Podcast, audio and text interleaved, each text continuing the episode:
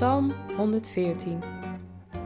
Het volk van Israël ging weg uit Egypte, uit dat land met een vreemde taal. Toen werd Israël het volk van God, het volk waarover hij heerste. Zee, waarom ben je gevlucht? Jordaan, waarom stroomde je niet meer?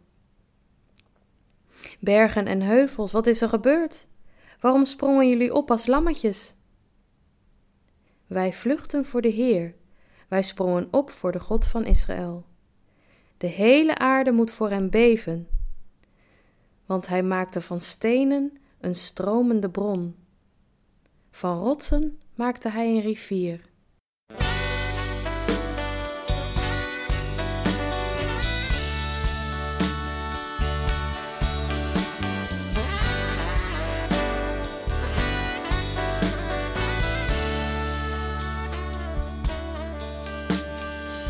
Totdat het licht wordt, kleur ik aan het morgenrood.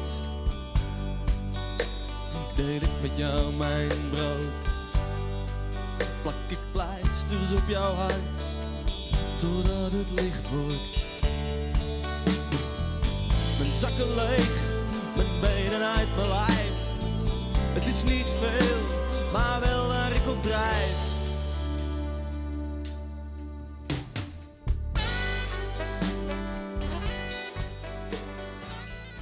Van rotsen maakt hij een rivier.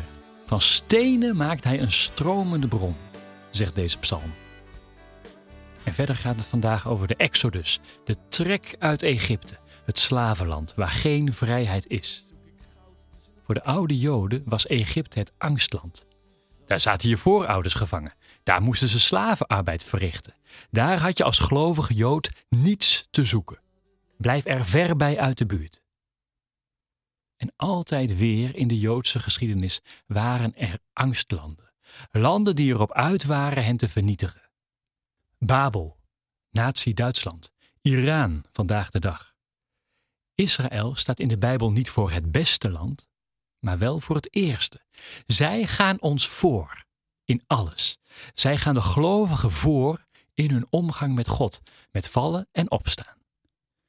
En in het kielzog van Israël zijn er tal van andere volken op de wereld die vervolgd worden, die bedreigd worden, op wat voor manier dan ook.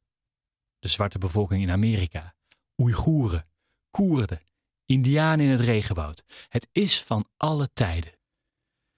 Maar er is hoop, zo leert deze psalm. Zee, waarom ben je gevlucht? De zee staat in de Bijbel altijd voor de dood, voor de ellende. Maar het mooie is, die zee die wijkt dus. Hij gaat gewoon voor je opzij.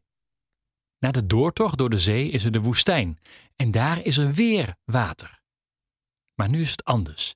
Niet bedreigend, maar dorstlessend, levengevend water. Dat is het wonder van de uittocht van Israël. Het was een barre tocht met veel ellende en tegenslag, jarenlang, maar telkens weer als de nood het hoogst was, bleken ze niet alleen te staan. En was er iemand die hen hielp en hen uitleidde. Herken je dit? Wanneer in je leven ben jij gered? Door God of door anderen?